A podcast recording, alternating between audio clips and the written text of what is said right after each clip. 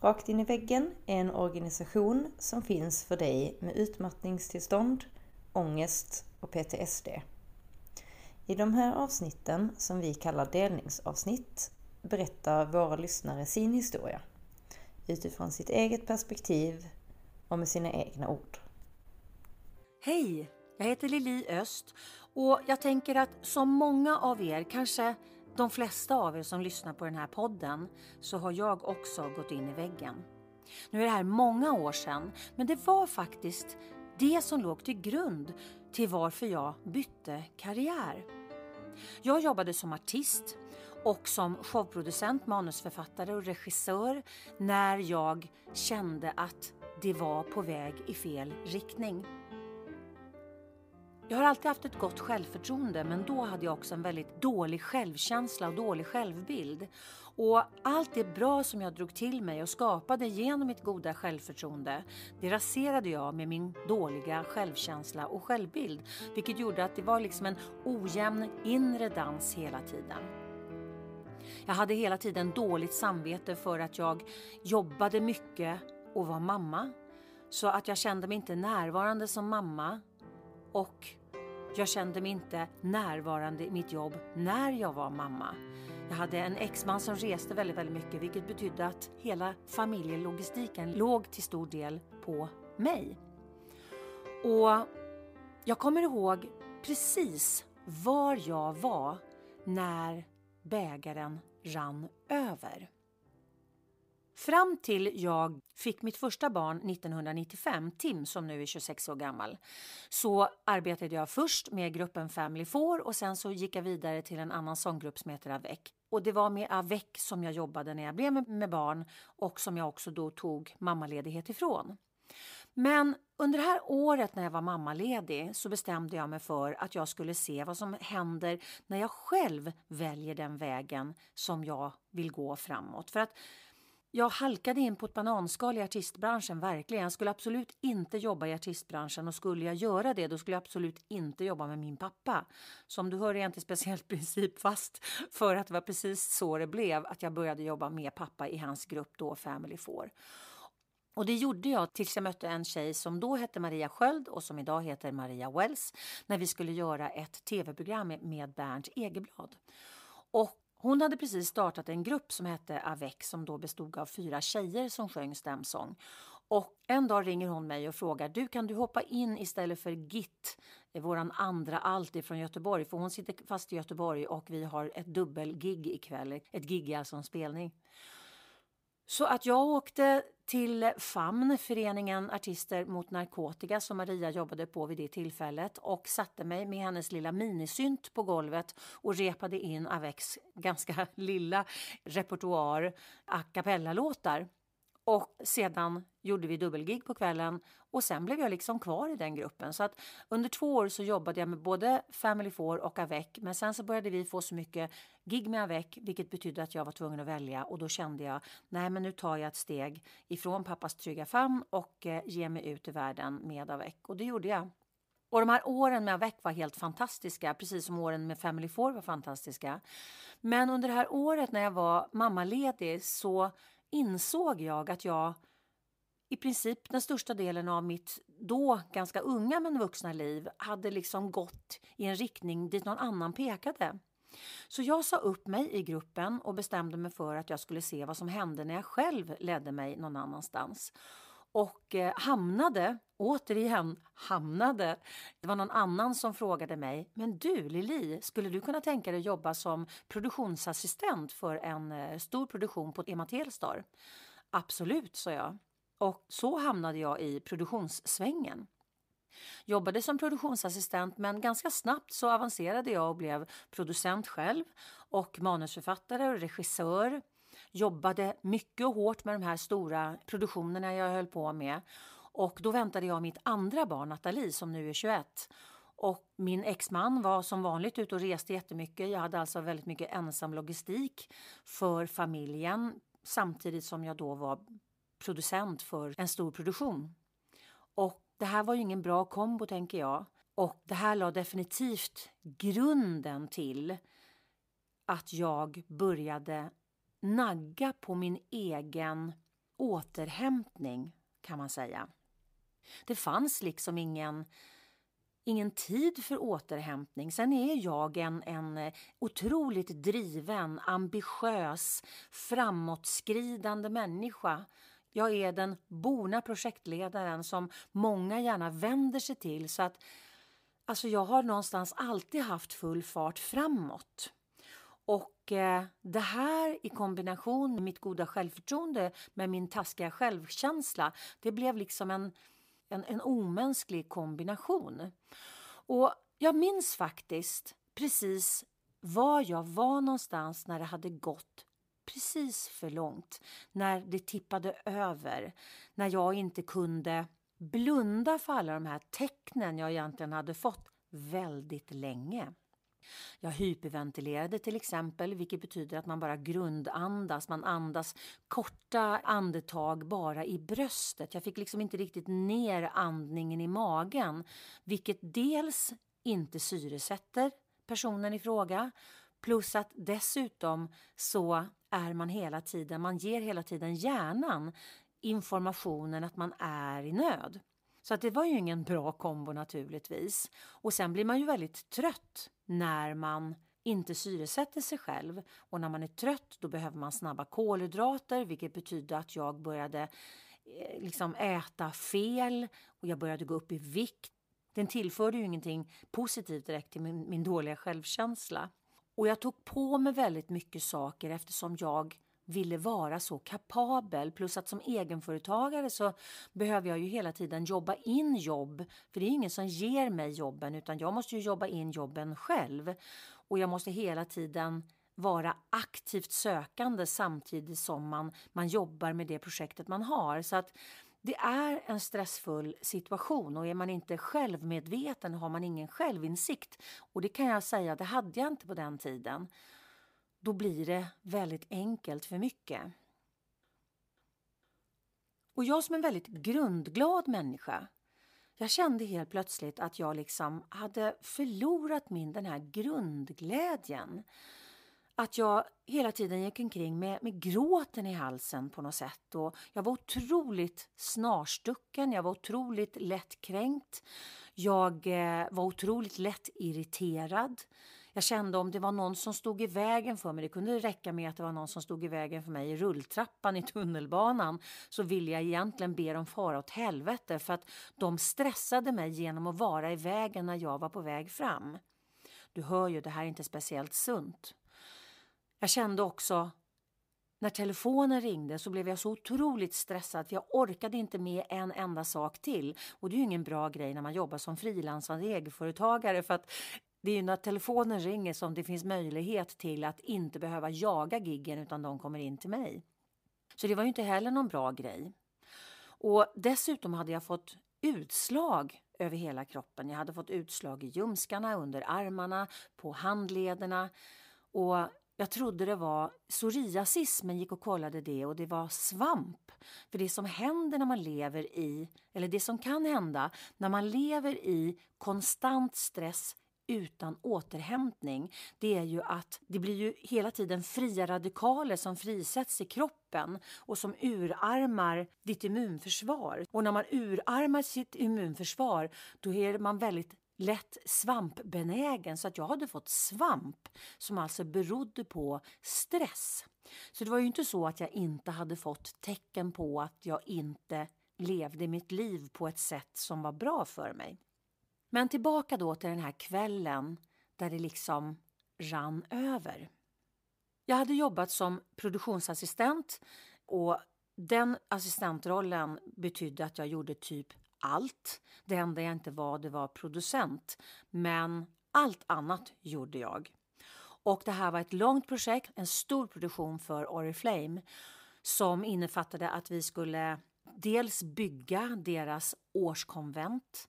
Vi skulle ha hand om alla inbjudningarna, alla som skulle komma och bo på hotell, så hela liksom den logistiska biten som också föll på mig. Vi skulle skapa content för hela dagen.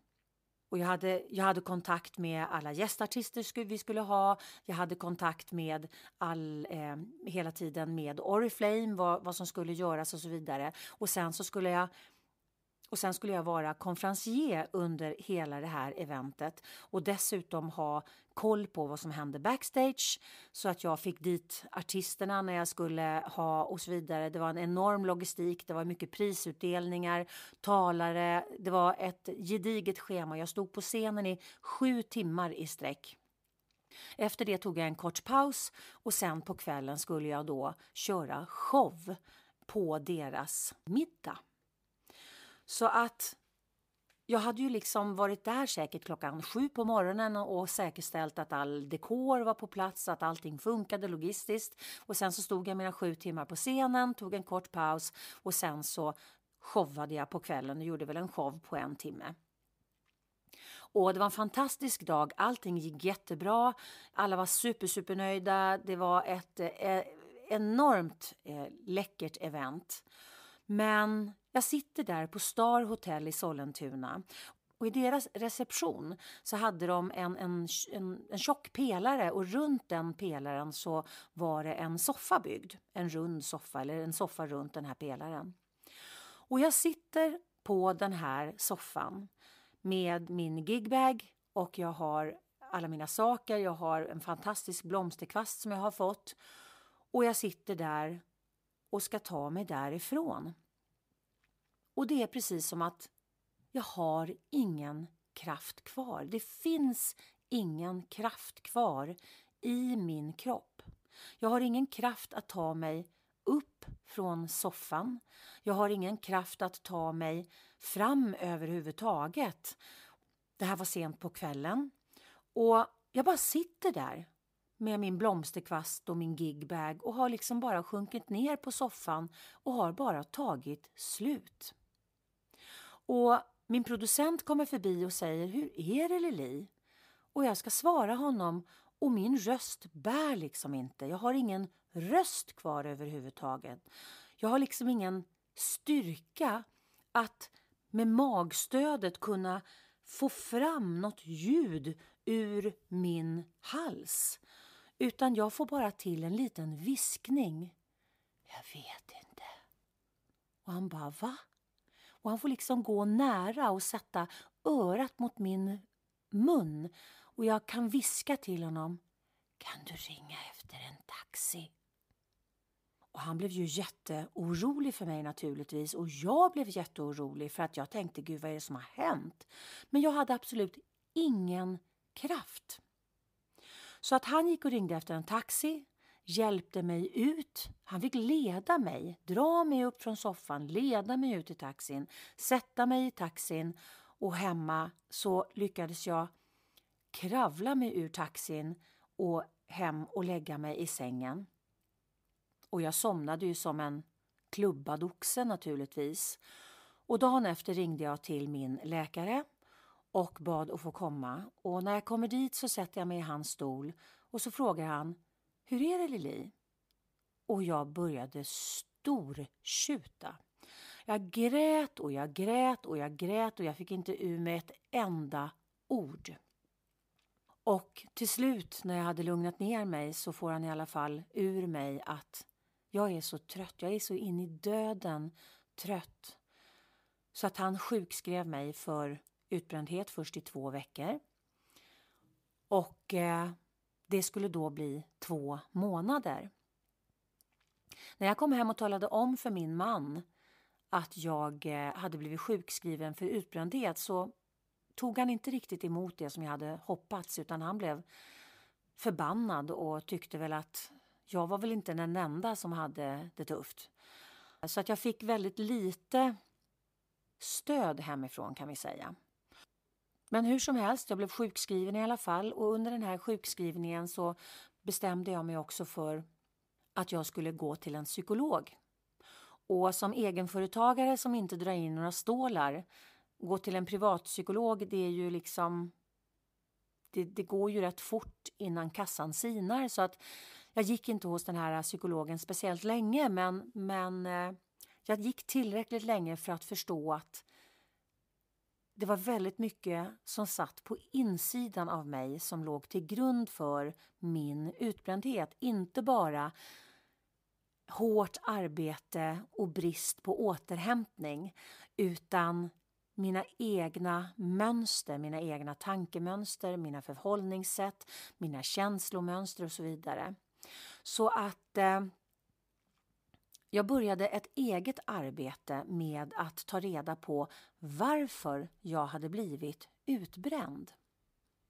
I mitt eget arbete med att ta reda på varför jag själv gick in i väggen så gick jag även till en rosenterapeut eftersom jag vet att det är väldigt bra att kombinera kroppsterapi med kognitiv terapi.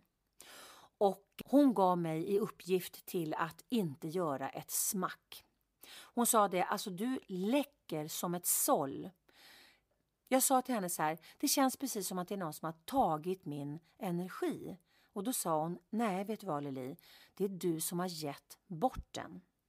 Så jag fick i uppgift av henne att bara vila, att inte göra ett smack, utan bara vila och återhämta mig. Och det var ju inte så enkelt att komma hem till min man och säga så här. Du, min rosenterapeut säger att jag inte får göra ett smack. Jag får inte ens plocka ur diskmaskinen utan du ska ta hand om barnen och du ska ta hand om hela logistiken. Du hör ju själv, det var ju liksom det var inget riktigt som jag kunde gå hem och säga utan jag tänkte så här, nu får jag vara lite effektiv så att jag, jag har ju inte tid att vara sjukskriven. Jag har inte råd att vara sjukskriven eftersom jag var egenföretagare. Och dessutom hade jag ju då en exman som reste hela tiden och jag hade två barn så alltså jag hade inte riktigt tid med att vara trött och utbränd och sjukskriven. Så jag tänkte så här, nu ska jag göra det lite effektivt här och vara lite duktig på att och liksom rensa inne i mig själv och, och komma på varför jag hade blivit utbränd så att jag kunde gå vidare. I samma veva som jag hade blivit utbränd så släppte Dr. Phil en bok som heter Livsstrategier. Och till den fanns det också en arbetsbok och den här tänkte jag det här blir ju kalasbra. Så att jag köpte boken, jag läste, jag sov, jag grät, jag skrev. Jag läste, jag sov, jag grät, jag skrev. Och sen naturligtvis övriga familjelogistiken. Men jag var ju sjukskriven så att jag, jag arbetade inte. Men jag jobbade inte med något jobb som var betalt, så kan vi säga. Men jag tyckte i alla fall att jag kom verkligen vidare och jag, jag var så jävla duktig på att, att vila. Jag var så duktig på att, att ransaka mig själv. Jag var så duktig på att verkligen tänka igenom varför jag hade blivit utbränd. Så att efter några veckor så kom jag tillbaka till min rosenterapeut och är så stolt över mig själv, över hur duktig jag har varit att sova och vila och reflektera och skriva och gråta och utveckla mig själv. Och hon bara tittade på mig som jag var helt jävla dum i huvudet. Och så säger hon, men herregud Lili, du har ju verkligen inte fattat någonting. Och så fick jag en åthutning som hette duga. För att jag insåg ju inte att jag hade gått in i den här duktiga flickan-fällan igen. Nu skulle jag helt plötsligt bli bäst i att bli frisk fort för att jag inte skulle vara någon till last, jag skulle inte ligga någon till last, jag skulle bli produktiv och så här drivande doer-aktig som jag alltid har varit igen. Och ta hand om mina barn och ta hand om logistiken och min man kunde resa i lugn och ro och liksom hela den här biten. Du hör ju att jag var ju helt rökt i huvudet. Jag hade ju ett sätt att leva livet där jag verkligen brände ljuset i båda ändar. Och det här blev ett sånt enormt wake-up call för mig. Det här med hur mycket min dåliga självbild drev på mig så att jag nästan dog på kuppen för att jag skulle vara så kapabel, jag skulle vara så duktig, jag skulle försöka lyckas. Min drivna sida ville ju att jag skulle lyckas och att jag skulle vara duktig medan min dåliga självkänsla var ju hela tiden, gav ju hela tiden mig informationen att jag inte eh, var värd att lyckas, att jag inte var värd att eh, nå de resultaten jag ville. Så jag hade ju en inre konflikt som var helt sjuk hela tiden. Så att allt det här braiga som jag drog till mig med hjälp av mitt goda självförtroende, det sabbade jag ju i samma sekund med min dåliga självbild. Jag bara väntade på att de skulle liksom komma på mig att jag var en riktig fejk. För jag är autodidakt. Jag är en autodidakt personlighet. Jag har så mycket i mig och jag är Tack vare att jag är en sån orädd person så kör jag igång saker hela tiden. Jag är som Pippi Långstrump hela tiden. Jag, eh, om jag inte har testat någonting så vet jag ju inte att jag inte kan det. Då måste jag ju testa innan jag vet om jag kan säga att jag kan det eller inte kan det. Vilket gör att jag har ju kastat mig hals över huvud in i många situationer i mitt liv. Vilket gjorde att det någonstans körde ju igång min dåliga självkänsla med känslan av att jag bara fuskade mig igenom allting hela tiden. För jag kunde det egentligen inte för jag hade inga utbildningar för det jag gjorde eller så vidare. Så jag var autodidakt sångerska, showproducent, manusförfattare, regissör. Sen blev jag autodidakt konstnär och sen blev jag autodidakt författare och sen blev jag autodidakt inredare och sen, ja men du hör. Och alla de här sakerna har jag ju jobbat med. Men eftersom jag var autodidakt i allt jag gjorde så hade jag hela tiden en känsla som hörde till min dåliga självkänsla. Att jag bara väntade på att någon skulle liksom sätta en nål i ballongen och bubblan skulle spricka. Och det här var ju det som låg till grund för min dåliga självkänsla. Dessutom så hade jag människor runt omkring mig som bekräftade att jag inte var bra när jag var Lili. Egentligen var det bästa sättet att vara Lili, det var när jag var artisten Lili. Men när jag gick in i väggen och artisten Lili skulle behöva träda åt sidan och producenten Lili skulle behöva träda åt sidan, då var det ju liksom bara privatpersoner Lili kvar och jag levde tillsammans med en man som jag var väldigt, väldigt olik, eller vi är olika varandra. Och han blev ju kär i mig för att jag var väldigt olik honom. Men sen så blev det svårt, eller vi blev ju kära i varandra för att vi var väldigt olika varandra. Men den här olikheten var inte speciellt kompatibel, vilket gjorde att jag hela tiden fick en information om att jag inte var rätt när jag var den jag var. Så då försökte jag bli någon som jag trodde, tolkade att han ville att jag skulle vara. Men det var ju bara min tolkning av vad jag trodde att han ville att jag skulle vara. Vilket betydde att jag blev en människa som jag inte trivdes med eller förstod. Och jag blev en människa som han inte trivdes med eller förstod.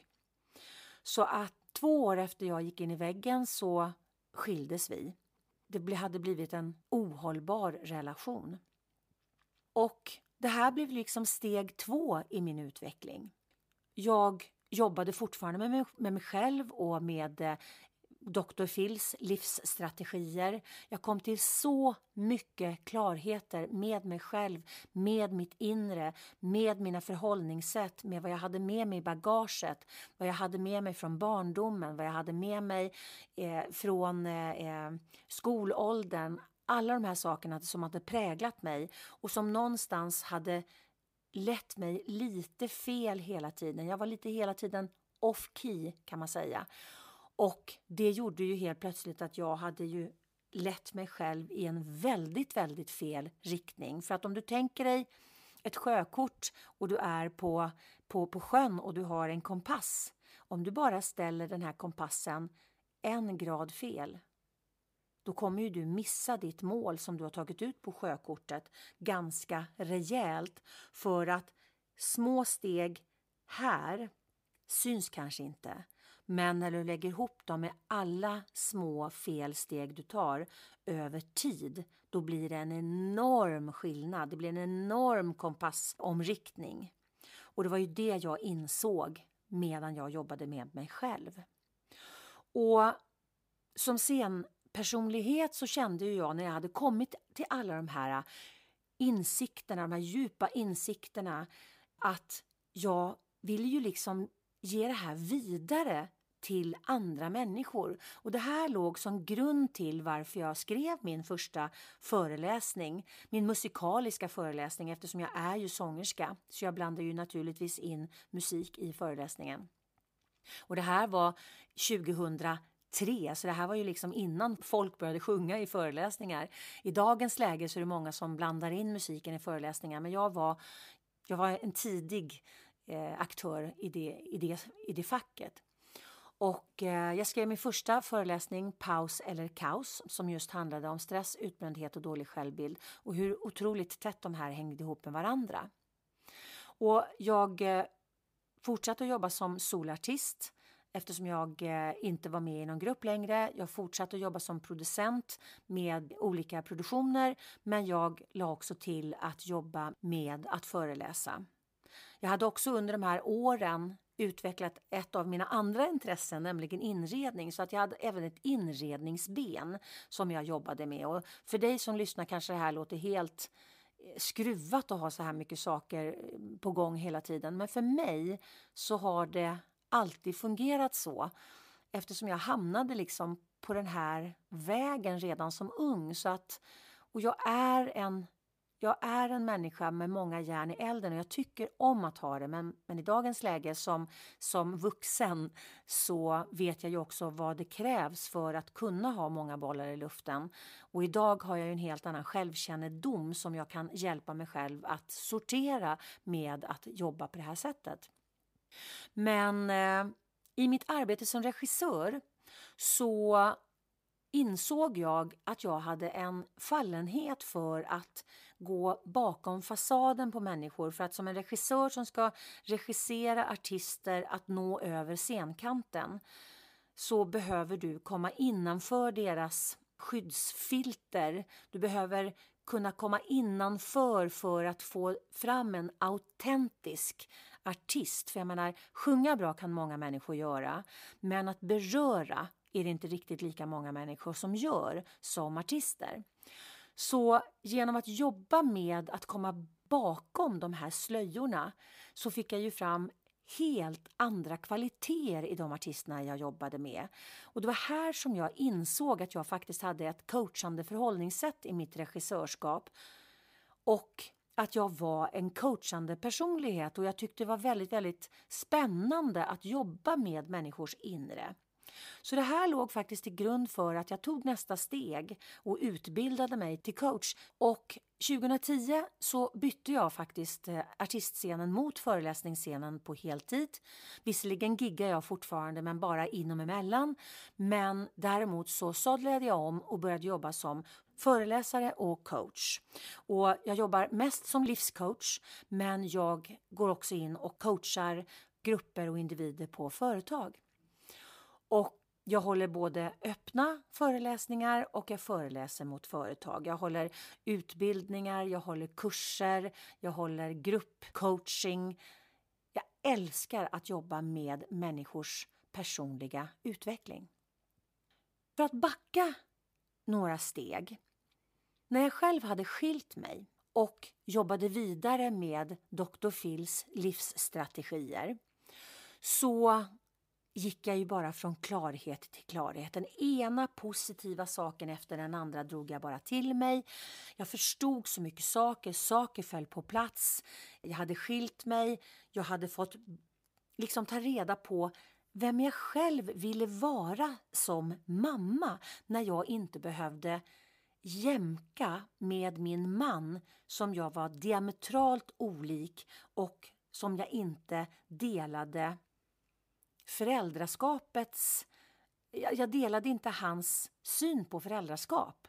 Så det blev ju ett väldigt slitage i mig naturligtvis. Så när jag fick vara mamma på mina egna villkor, det var helt fantastiskt. Jag älskade att vara mamma på mina egna villkor. Att bygga min relation med mina barn på det sättet som jag ville bygga min, min relation med barnen på.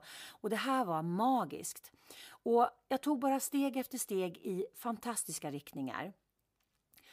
Och så helt plötsligt så fick jag bara en smocka vilket gjorde att jag hamnade tillbaks på ruta ett i princip. Så fick jag kämpa mig upp igen och sen så hände det här igen och igen och när det här hade hänt flera gånger så började jag fundera på vad i hela fridens dag är det som händer? Till saken hör att jag sedan i tidigt 20, i mina tidiga år som i 20-årsåldern började intressera mig för attraktionslagen. Om jag läste om tankens kraft, jag läste om ljusets kraft, jag läste om alla jävla krafter i världen, gudinnorna inom oss, jag läste om, jag läste om alla de här äh, böckerna som, som då var i, i det så kallade new age-facket. Och jag började helt plötsligt förstå att det fanns någonting större, någonting som vi interagerade med i varje vaken stund. Men, men jag hade inte riktigt kommit dit i insikten ännu. Men tre böcker i rad fick mig att komma till insikten om att det jag trodde att jag hade ganska bra koll på, att jag verkligen inte hade förstått det som jag på djupet behövde förstå för att kunna göra en avgörande skillnad i mitt eget liv. Och Den första boken hette Det kan bara bli bättre, som var en bok om eh, krisens alla olika faser. Den andra boken var Sumo och Sumo står för Shut up, move on. Och den handlar också om krisens alla olika faser. Och den tredje var The Secret. Året är alltså 2006 och den har precis kommit ut på marknaden. Och helt plötsligt så förstår jag vad det är som händer. De här lavetterna som jag hade fått som liksom bara smockade till mig så att jag hamnade på ruta ett igen. Det handlade om när jag träffade någon som hörde talas om våran ganska uppslitande skilsmässa av många anledningar. Och vi började prata om det här och jag berättade vad som hade hänt och, och, och de bara nej Lili och nej och, och jag gick in i de här känslorna, de här jobbiga känslorna, alla de här svåra minnena och, och allt det här. Jag insåg då att det här är ju för att jag helt plötsligt kastar ljuset på de här sakerna som jag inte vill ha, som inte funkar, som gör mig illa och så vidare. När man ger det sitt fokus så är det ju det som börjar växa. Jag hade liksom inte riktigt förstått så djupt om attraktionslagen fast jag hade läst om den i 25 år när det här hände. Men jag hade ju också blivit intresserad av personlig utveckling och psykologi och beteendevetenskap i stort under de här åren, vilket gjorde att jag helt plötsligt såg korrelationen mellan våran kognition, våran emission och interaktionen med attraktionslagen och med biofältet utanför oss själva. Och den här insikten gjorde ju att jag började djupstudera attraktionslagen, jag började nosa på kvantfysiken. Jag eh, verkligen gick in på djupet både i beteendevetenskapen och i attraktionslagen. Och det var här någonstans som min metodik som jag idag arbetar utifrån som coach, såklart metoden, föddes. För att jag förstod helt plötsligt det viktiga med att ta med våran universella interaktion mellan oss själva och universum, mellan oss själva och attraktionslagen och bli medveten om vad jag själv sådde för frön som jag sen fick skörda. Så att sedan dess så har jag inte bara jobbat som, eh, som coach sedan 2009 utan även gjort djuplodade arbeten med mig själv för att på djupet förstå var jag svängde fel och för att korrigera det här. Och helt plötsligt så blev ju så otroligt mycket saker klara för mig. Så tydliga när jag fick positivt flow kontra negativt flow. Vad jag också har erfarit under vägens gång, det är att jag är en ambivert personlighet, vilket betyder att jag är både introvert och extrovert. Och den här extroverta sidan, eftersom jag har en sån enorm drivkraft, jag är en doer, jag har ett sånt jädrans driv framåt, jag är visionär, men jag är en visionär doer, vilket betyder att jag, jag har hela tiden ett högt tryck framåt. Jag ställer höga krav på mig själv fortfarande, men inte nämndesvis lika höga krav som jag gjorde på mig själv förr. Plus att jag i dagens läge har jag ju förstått vikten av att ge mig själv återhämtning. Jag har också lärt mig längs vägen att jag är högkänslig. Och när man är en högkänslig personlighet så betyder det att man plockar upp mycket, mycket mer information än en normalfuntad. Det här är ju alltså en, en personlighet som man är född med och eh, den är jämnt fördelad över hela jorden, kvinnor, män och faktiskt även djur. Och eh, man säger att det är en av fem i hela världen är högkänsliga. Så det är ju normalt, men det är inte tillräckligt normalt för att det ska vara så comme få att prata om högkänslighet så att alla förstår vad högkänslighet är. Men när jag började själv forska inom högkänsligheten och sätta mig in i vad det innebar så förstod jag ju också mitt behov av att retirera, mitt behov av att vara noga med att inte låta min extroverta sida köra över min introverta, högkänsliga sida.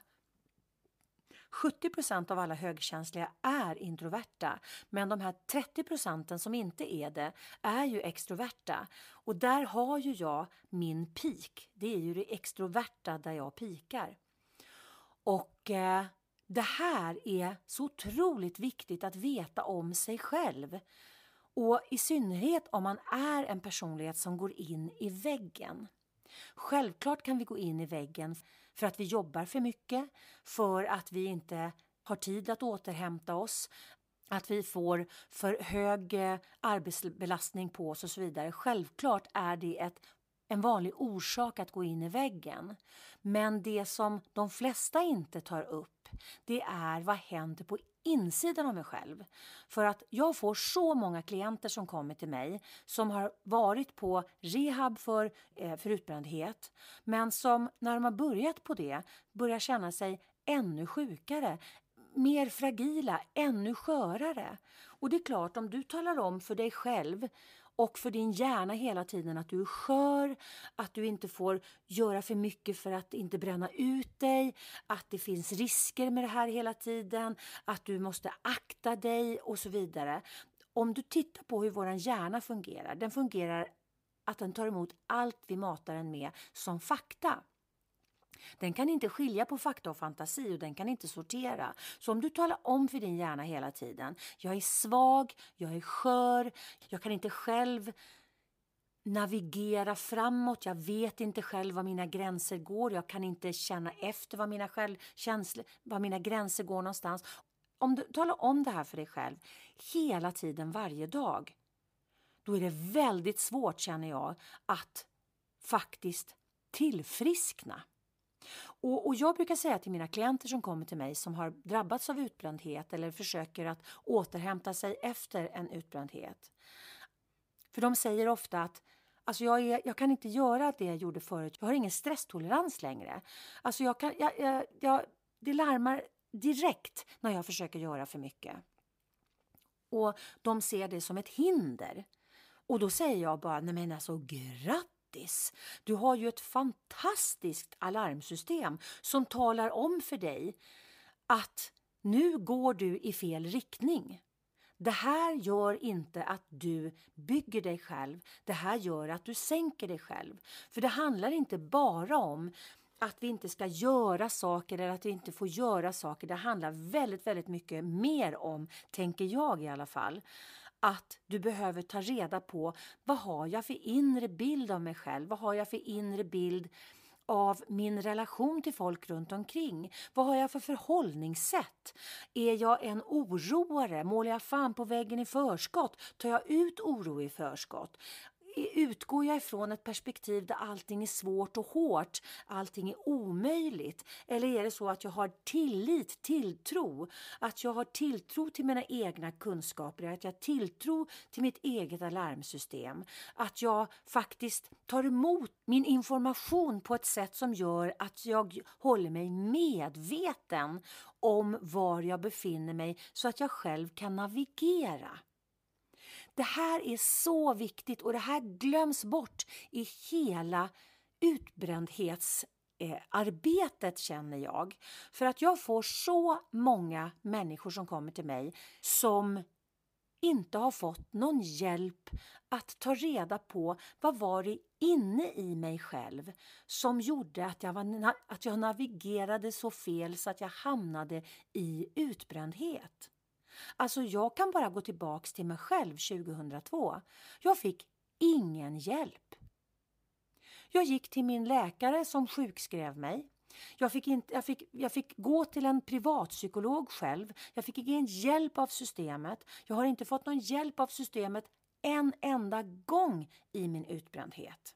Nu är det här många år sedan jag gick in i väggen och då hade man ju inte samma strukturer som man har idag. Men även idag har man liksom missat den här biten. Och om jag tänker på det här ur ett energiperspektiv. Jag ska kort berätta vad attraktionslagen är för någonting. Och jag vill varmt rekommendera dig om du tycker att det här låter intressant att gå in och följa min podd Attraktionslagen 2.0. För jag pratar hela tiden om personlig utveckling i den här kontexten. Du kommer få så mycket insikter när du, när du lyssnar på podden. Du kan också gå in på min hemsida liliost.se. Jag har gratis pdf som du kan ladda ner.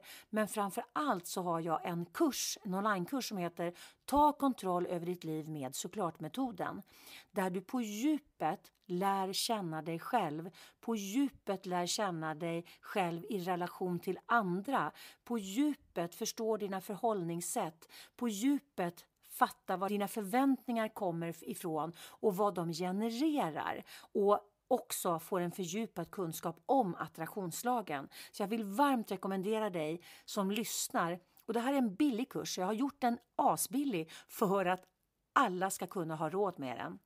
Och det är en gedigen onlinekurs som du gör helt i din egen takt, helt med dig själv. Du kan köpa till coachande ljudfiler som också är billiga för att jag vill att det ska vara en möjlighet för alla att kunna gå den här kursen. Men attraktionslagen i alla fall funkar lika attraherar lika. Det är en av våra universella naturlagar. Och den är inte värderande utan den interagerar med det du ger den att interagera med. Och den interagerar med våran känsla av. Alla tankar har en känsla som hör till. Ingen tanke kommer naken. Positiva tankar hör ihop med positiva känslor och vice versa. En positiv tanke följs inte av en negativ känsla vilket betyder att känner du en negativ känsla i magen då har den föregåtts av en tanke som leder dig i fel riktning. Våra känslor är ett väl utvecklat alarmsystem. Så när du känner en skitkänsla i magen så kan du vara säker på att det, du leder dig i en riktning som inte lirar med ditt inre, som inte stämmer överens med ditt autentiska jag. Vilket gör att det blir ju en enormt bra information hela tiden om du använder känslan i magen som måttstock på om du är på väg i rätt riktning. Sen kan det ju vara att man gör saker som man är lite rädd för, men det är en helt annan sak. Utan de här generella, generella sakerna som ger dig en skitkänsla i magen. Och där kan du titta på, var det situationen i sig som gav mig den här känslan i magen eller var det hur jag såg på situationen? För många som jag har fått till mig som är mina klienter som har varit utbrända, de har haft ett sätt att se på livet som hela tiden leder dem till att skapa en väldigt tung och svår känsla i kroppen som dessutom då interagerar med attraktionslagen vilket betyder att det är den som blir våran sändande magnet.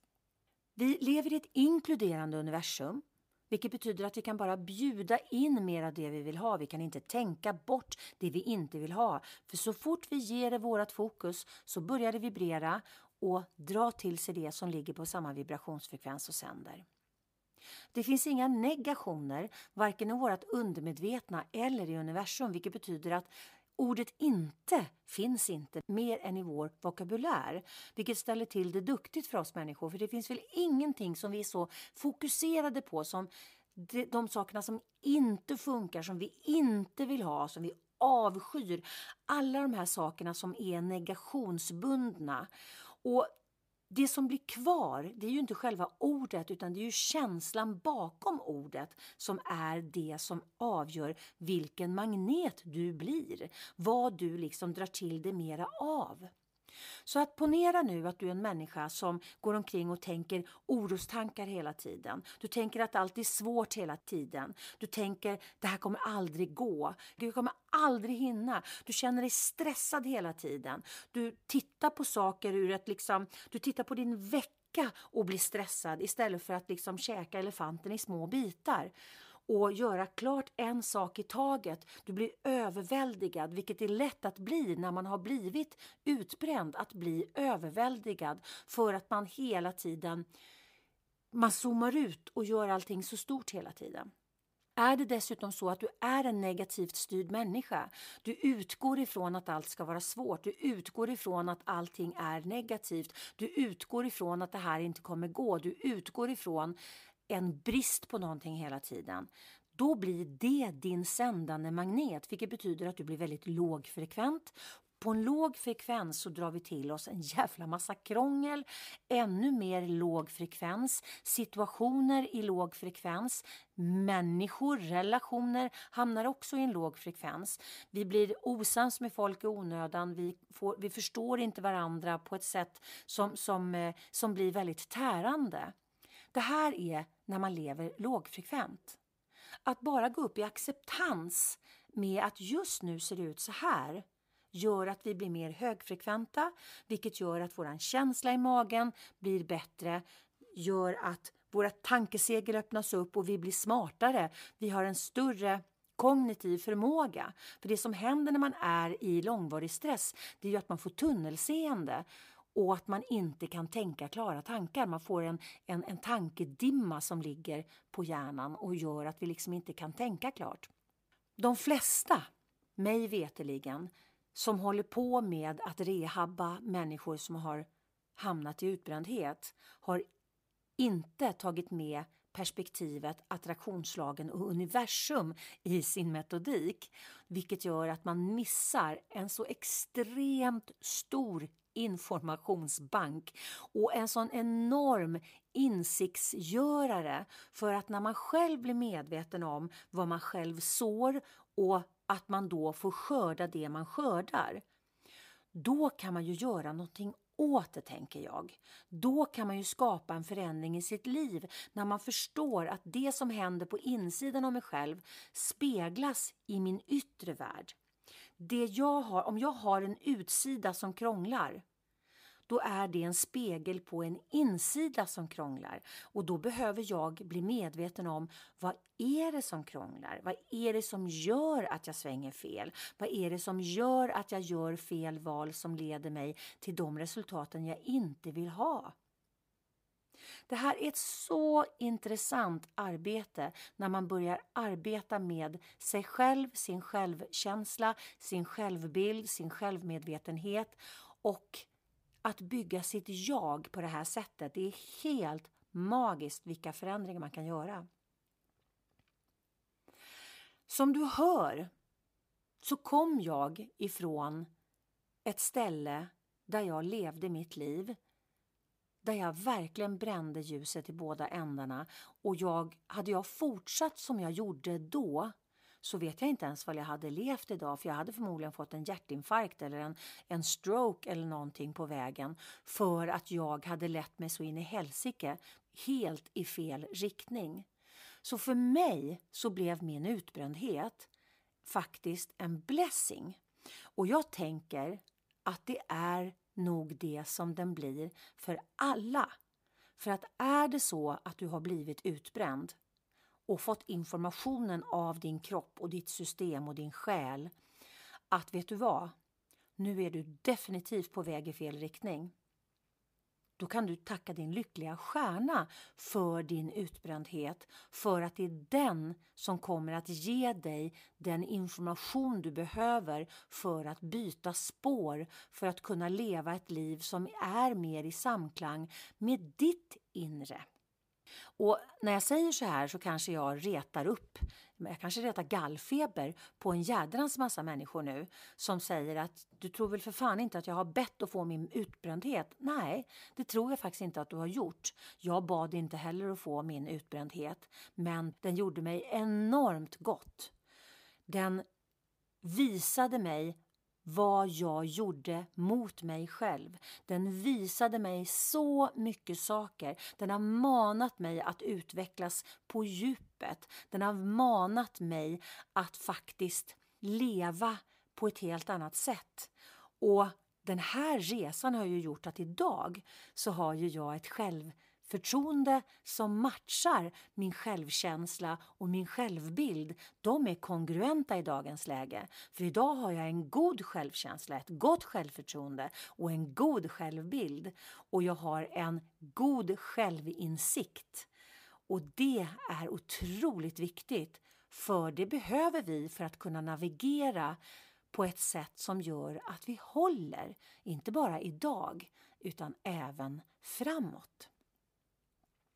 Så blir du nyfiken på vad jag skulle kunna hjälpa dig med, kontakta mig på lili.liliost.se eller gå in på min hemsida liliost.se eller följ min podd Attraktionslagen 2.0 eh, som finns där poddar finns och finns, den finns också på min, min Youtube-kanal som också heter Attraktionslagen 2.0 där du också hittar meditationer, du hittar massa olika saker där, du hittar massa lives och så vidare. Sen kan du också följa mig i Måndagspeppen på appen Voice Her som du laddar ner på eh, Google Play heter det väl va, för Android och eh, på App Store.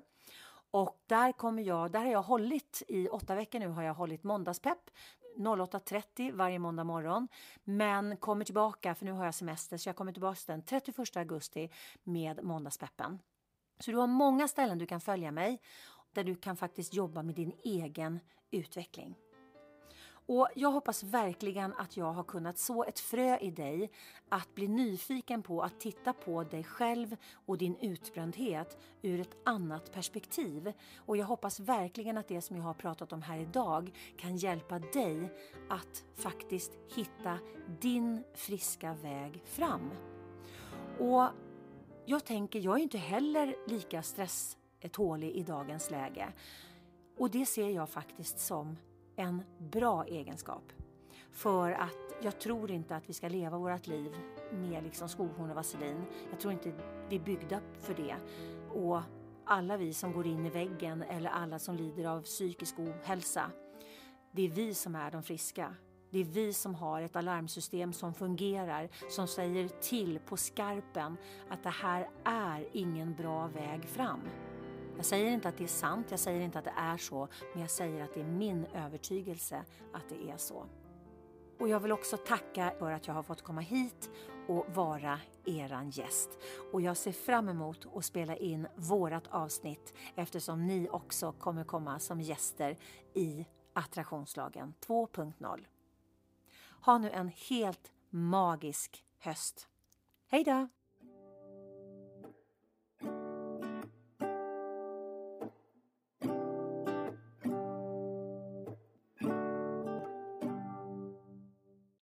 Om du vill vara med i vår podcast och berätta om din resa eller kanske tipsa oss om någon vi borde bjuda in till podden.